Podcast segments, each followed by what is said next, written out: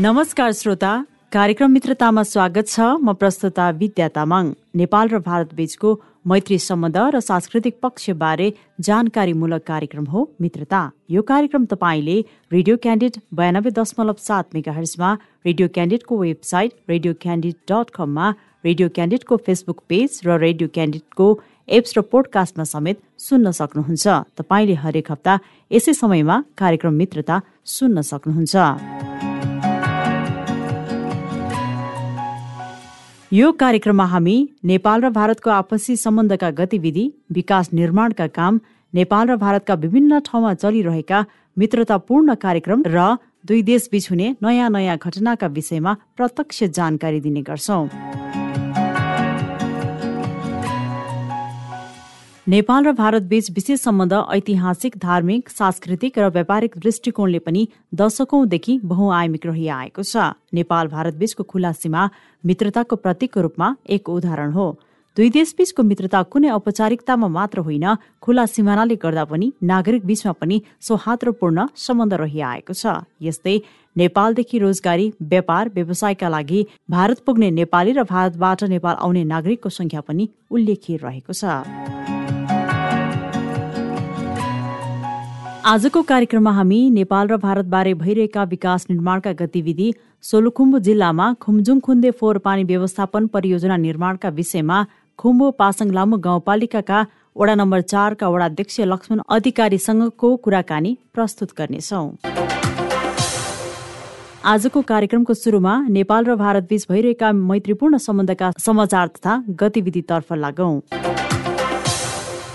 आसन्न स्थानीय तह निर्वाचन हुनुभन्दा बहत्तर घण्टा अघिदेखि नेपाल भारत सीमा नाका बन्द गर्न दुई देशका सुरक्षा अधिकारीको संयुक्त बैठकले निर्णय गरेको छ। भारतको मधुबनी जिल्ला स्थित जयनगरमा गत मंगलबार बसेको दुई देशका सुरक्षा अधिकारीहरूको संयुक्त बैठकले यही वैशाख तीस गते हुने स्थानीय निर्वाचनको बहत्तर घण्टा अगाडिबाट सीमा नाका बन्द गर्ने निर्णय गरेको हो। खुल्ला सीमा नाकाका कारण निर्वाचनको बेला सुरक्षा चुनौती बढ्न सक्ने भएकाले बहत्तर घण्टा अगाडिदेखि सीमा नाका बन्द गर्ने निर्णय भएको धनुषाका प्रमुख जिल्ला अधिकारी सुरेन्द्र पौडेलले जानकारी दिनुभयो। बैठकमा सीमा वारपारको सम्बन्ध दस गजाको व्यवस्थापन दुई पक्षको आन्तरिक सुरक्षा तस्करी लागु औषध र मदिरा ओसार पसार नियन्त्रण लगायतका विषयमा पनि छलफल भएको प्रमुख जिल्ला अधिकारी पौडेलले बताउनुभयो।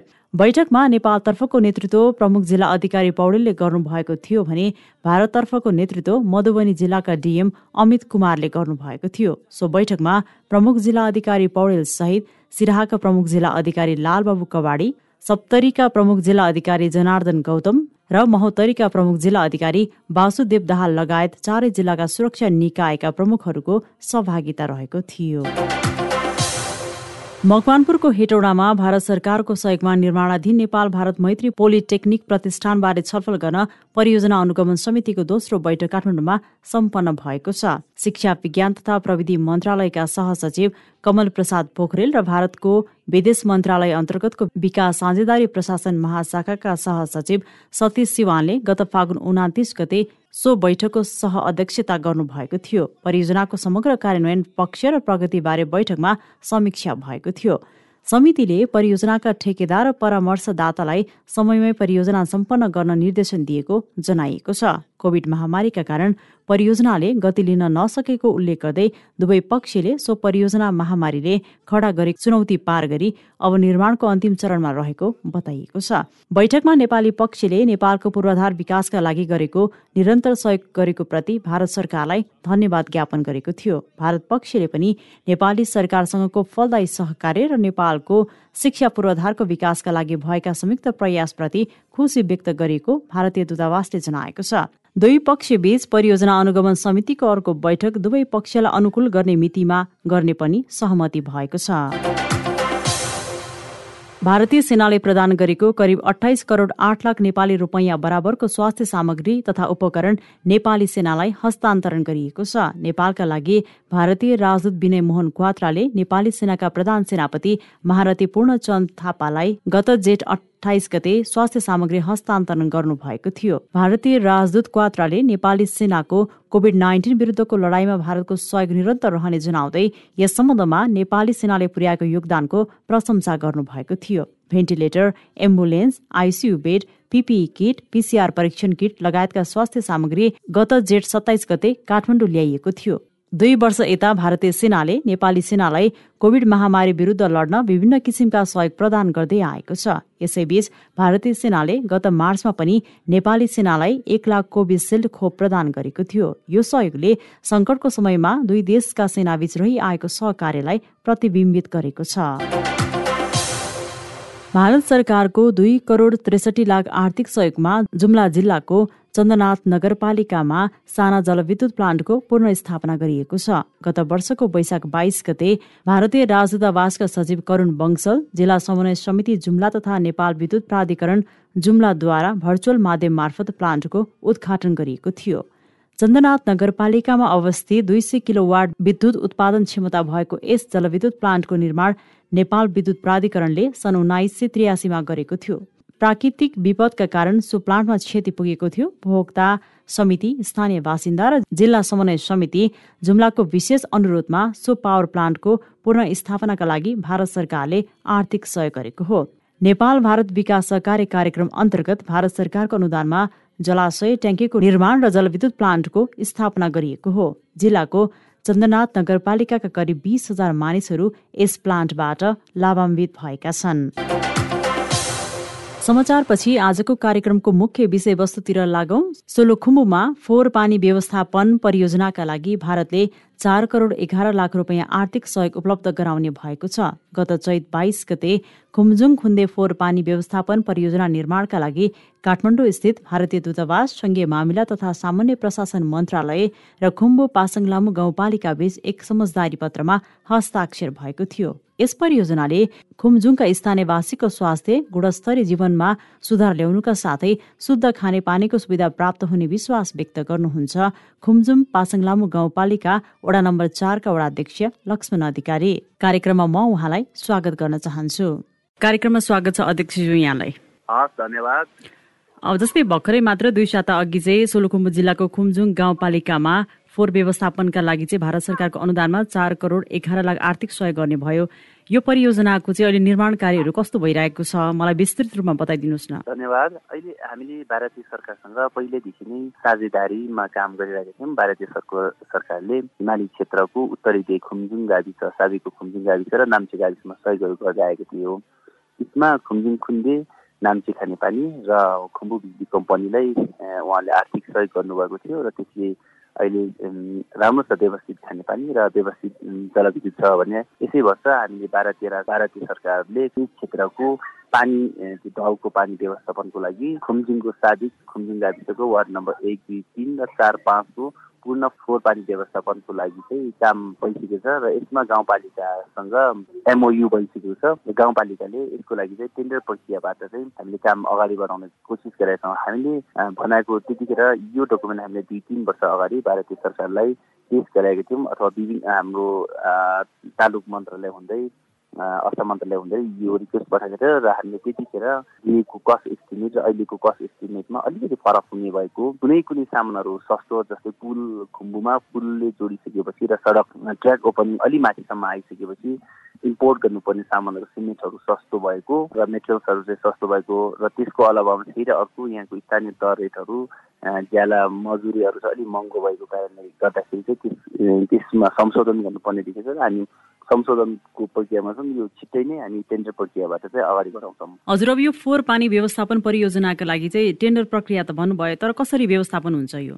हामीले यसलाई चाहिँ व्यवस्थित ढल प्रशोधन बनाउँछौँ र यसले चाहिँ यो सगरमाथा राष्ट्रिय निकुञ्ज क्षेत्र र विश्व सम्पदा सूचीमा पर्ने बस्तीभित्र बनाउनु पर्ने भएको कारणले गर्दाखेरि हामीले यसलाई चाहिँ यहाँबाट आउने प्रशोधन यहाँबाट आउने ढल जस्तै व्यक्तिको घरबाट आउने ढललाई चाहिँ हाम्रो प्रशोधन केन्द्र तिन स्टेपको प्रशोधन केन्द्र छ। प्रशोधन केन्द्रमा गइसकेपछि र त्यहाँबाट प्युरिफाइड भएर त्यो चाहिँ त्यहाँको त्यो धरानमा चाहिँ पठाइन्छ र त्यहाँबाट चाहिँ बिस्तारै त्यो पानीमा मूल पानीमा जोडिँदाखेरि पनि समस्या नहुने तरिकाको आधुनिक डिजाइनिङ गर्दैछौँ यो प्रत्येक घरबाट हुन्छ र प्रत्येक घर हाम्रो खुम्जुङमा दुई सय तेह्र घर र खुन्डेमा गरेर जम्मा हाम्रो सात सय लगभग आठ सयको जनसङ्ख्याको प्लस र हामीमा आउने गेस्टहरू टुरिस्टको गरेर लगभग टेन्टेटिभ वार्षिक रूपमा हो भने चालिस हजार मान्छेको चाहिँ सोलिड वेस्ट म्यानेजमेन्ट र त्यसपछि रेनफलबाट आउने अथवा प्रिसिपिटेसनबाट आउने पानी म्यानेजमेन्टमा चाहिँ हामी काम गर्नेछौँ हजुर अब यस परियोजनाले खुम्चुङ गाउँपालिकाका स्थानीयवासीले त पानी पनि पाउने भयो एउटा सुविधा सम्पन्न हुने भयो कि भएन? हजुर अहिले हामीमा घर घरमा खाने पानी छैन र गाउँपालिकाले गाउँपालिकाले वार्ड नम्बर चार र पाँच क्षेत्रमा खानेपानी प्रत्येक घर घरमा चाहिँ खानेपानीको सुविधा ल्याइसकेको छ भने सादीको वार्ड नम्बर एक दुई र तिनमा चाहिँ घर घरमा खानेपानी भएको छैन र हामीले नबनाउनुको कारण पनि हामीलाई यो प्रोजेक्ट आउँदैछ र त्यसपछि एकैचोटि एकीकृत बनाउँदाखेरि हामीले जमिन मुनि खानेपानीको पाइप पनि जमिन मुनि नै गाड्नुपर्छ बिजुलीको तार पनि जमिन मुनि नै गाड्नुपर्छ र यो फाइबरको नेट पनि जमिन मुनि नै गाड्नुपर्छ र त्यससँगै डल पनि जान्छ भनेपछि हामीले एकचोटि बाटो बनायो फेरि त्यसपछि डल गाड्यो फेरि त्यसले त्यसलाई फेरि खन्यो फेरि अर्कोचोटि खानेपानीको पाइप गाड्ने त्योभन्दा पनि हामीले एकीकृत काम गर्नुपर्छ। त्यसले गर्दाखेरि त्यो कस्टमा धेरै नै सेभ हुन्छ भन्ने हिसाबले हाम्रो त्यो प्लानिङको कारणले गर्दाखेरि हामी सेम टाइम ढलको काम पनि गर्छौँ घर घरको खानेपानी पनि गर्छौँ फायर फाइटिङको काम पनि गर्छौँ र टेलिफोन एसटिटिएच घर घरमा लाने काम पनि एकीकृत रूपमा गर्छौँ। हजुर अब भारत सरकारको यो जुन अहिले अनुदान छ यो फोहोर पानी व्यवस्थापन परियोजनाका लागि यो रकम चाहिँ अलिकति अपुग हुने जस्तो देखियो भन्नुभयो। यसलाई संशोधन गर्नका लागि चाहिँ भारत सरकारलाई अपिल गर्ने प्रक्रिया अगाडि बढ्छ कि के रहेको छ? हामीले कमिटमेन्ट गरेका थियौँ। भारत सरकारले कति सहयोग गर्न सक्छ त्यसपछि बाँकी बाँकी चाहिँ गाउँपालिकाले बेहोर्ने भनेको छ।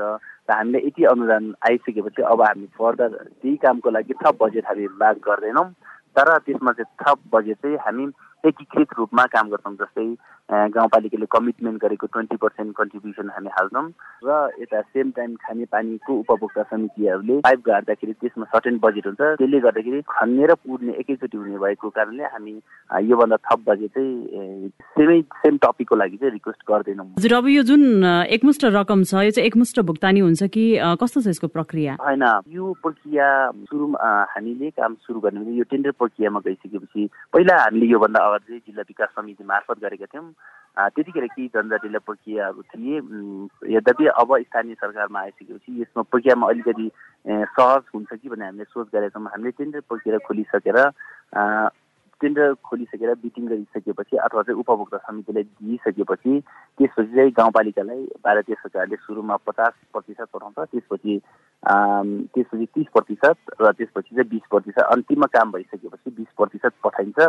हाम्रो खुम्जुङ खुन्डे खानेपानीको लागि पनि झन्डै पाँच वर्ष अगाडि सिद्धिसकेको हाम्रो परियोजनाको बाँकी पैसा आउन यो बिचमा सरकार परिवर्तन सरी यो हाम्रो संविधान परिवर्तन भइसकेपछि जिल्ला विकास समितिको चाहिँ बल्ल बल्ल त्यो प्रक्रिया सकिएको छ भने चाहिँ अहिले अब त हामी एउटा स्थायी सरकारमा छौँ स्थायी सरकारमा भइसकेपछि यसले त्यसमा जनजातिको प्रक्रिया हुँदैन। यद्यपि गाउँपालिकाबाट जिल्ला समन्वय समितिमा रिपोर्टिङ गर्ने त्यसपछि प्रदेश सरकार मार्फत स्थलीय मामला मन्त्रालय र हामीले अर्थ मन्त्रालयतिर जानकारी गराउने र समन्वय गर्ने काम भने त्यो डकुमेन्टको प्रक्रिया भने कन्टिन्यू नै हुन्छ सेम प्रोसेस नै हुन्छ। हजुर अध्यक्षज्यू अघि हजुरले पनि भन्नुभयो अब भारत सरकारको तर्फबाट अझ नेपाल स्थित राजदूतावासबाट चाहिँ धेरै परियोजनाहरू निर्माण भइरहेका छन् भने यसअघि पनि खुम्जुङ गाउँपालिकामा केही त्यस्ता परियोजनाहरू चाहिँ भारत सरकारको मातहतबाट भइरहेका छन्? हजुर योभन्दा अघिल्लो खानेपानी गजो खानेपानी भनेर गजो भन्ने ठाउँबाट खुम्जुङ खुन्डे नाम्चे बजार होटल एभरेज भ्यू वरिपरिका क्षेत्रहरू क्याङजुमा टासिङमा लगायतका गाउँहरूमा चाहिँ भारतीय सरकारले चाहिँ टोल टोलमा खानेपानी व्यवस्था गरिदिएको अब त्यही पानी र त्यही पानीलाई हामीले व्यवस्थित गरी त्यसलाई चाहिँ घर घरमा चाहिँ लाने तयारी गर्दैछौँ। त्यसको लागि पनि सुरुको त्यो गेजो भन्ने ठाउँबाट टोल टोलमा ल्याउने खानेपानीको लागि पनि भारतीय दूतावासबाट झन्डै साढे चार करोडको आर्थिक सहयोग भएको थियो र अर्को खुम्बु बिजुली कम्पनी भने स्थानीयले बनाएको स्विस अस्ट्रेलियन गभर्मेन्टले बनाइदिएको एउटा ब्रिज छ र त्यसको मर्मत सम्वाद र त्यसको अपग्रेडको लागि पनि केही बजेट नपुग भएको कारणले त्यतिखेर हामीले भारतीय सरकारलाई अनुरोध गऱ्यौँ र भारतीय सरकारबाट चाहिँ सहयोग भएको छ। हजुर अब यसरी नेपालमा सहयोग गरिरहँदाखेरि अझ भनौँ हाम्रो जुन एउटा ग्रामीण भेगमा पनि सहयोग गरिरहँदाखेरि द्विपक्षीय सम्बन्ध नेपाल र भारत बिचको कस्तो पाउनु भएको छ एकदमै राम्रो छ। हामी खुम्बु टुरिज्मसँग रिलेटेड र हाम्रो मूल व्यवसाय मूल व्यवसाय भएको कारण चाहिँ पर्यटन नै भएको कारणले गर्दाखेरि हाम्रो अन्तर्राष्ट्रिय सङ्घ संस्था र अन्तर्राष्ट्रिय सँग चाहिँ स्थानीयहरूको राम्रो सम्बन्ध छ। त्यसमा छिमेकी राष्ट्र भारतले अझै यसरी चाहिँ सा सामूहिक रूपमा चाहिँ अनुदान गरिसकेपछि हिमाली बेगबाट बस्नेहरूको नजरमा चाहिँ भारतीय सरकारप्रति चाहिँ एक प्रकारको रेस्पेक्ट छ र त्यसपछि हिमाली क्षेत्रमा भारतबाट आउने पर्यटकहरूको लागि पनि हामी उहाँहरूलाई चाहिँ एउटा गौरव गर्ने ठाउँ चाहिँ हामीले बनाएका छौँ। त्यहाँको सरकारले त्यहाँको जनताबाट उठाएको पैसाले चाहिँ नेपालको दुर्गम ठाउँमा चाहिँ कामहरू हुँदो रहेछ भएको छ भनेर चाहिँ हामीले एउटा प्रुफ गरेका छौँ। हजुर अध्यक्षज्यू यहाँले समय दिनुभयो। यहाँलाई धेरै धेरै धन्यवाद। धन्यवादहरूलाई पनि। उहाँ हुनुहुन्थ्यो सोलुखुम्बु जिल्लाको खुम्जु पासाङ लामु गाउँपालिका वडा नम्बर चारका वडाध्यक्ष लक्ष्मण अधिकारी। उहाँसँगको यो कुराकानीसँगै कार्यक्रम मित्रताको आजको समय सकिने लागेको छ। आजको कार्यक्रममा हामीले साताभरिका नेपाल भारतका गतिविधि सोलुखुम्बु जिल्लामा खुम्जुङ खुन्दे फोहोर पानी व्यवस्थापन परियोजनाका निर्माणका विषयमा खुम्जु पासाङलामु गाउँपालिका वडा नम्बर चारका वडाध्यक्ष लक्ष्मण अधिकारीसँगको अन्तर्वार्ता प्रस्तुत गर्यो। अर्को हप्ता नयाँ र फरक विषय लिएर आउनेछौँ। आजको कार्यक्रमबाट सहकर्मी सृजना भुजेलसँगै म कार्यक्रम प्रस्तुता विद्या तामाङ पनि विदा हुन्छु। नमस्कार।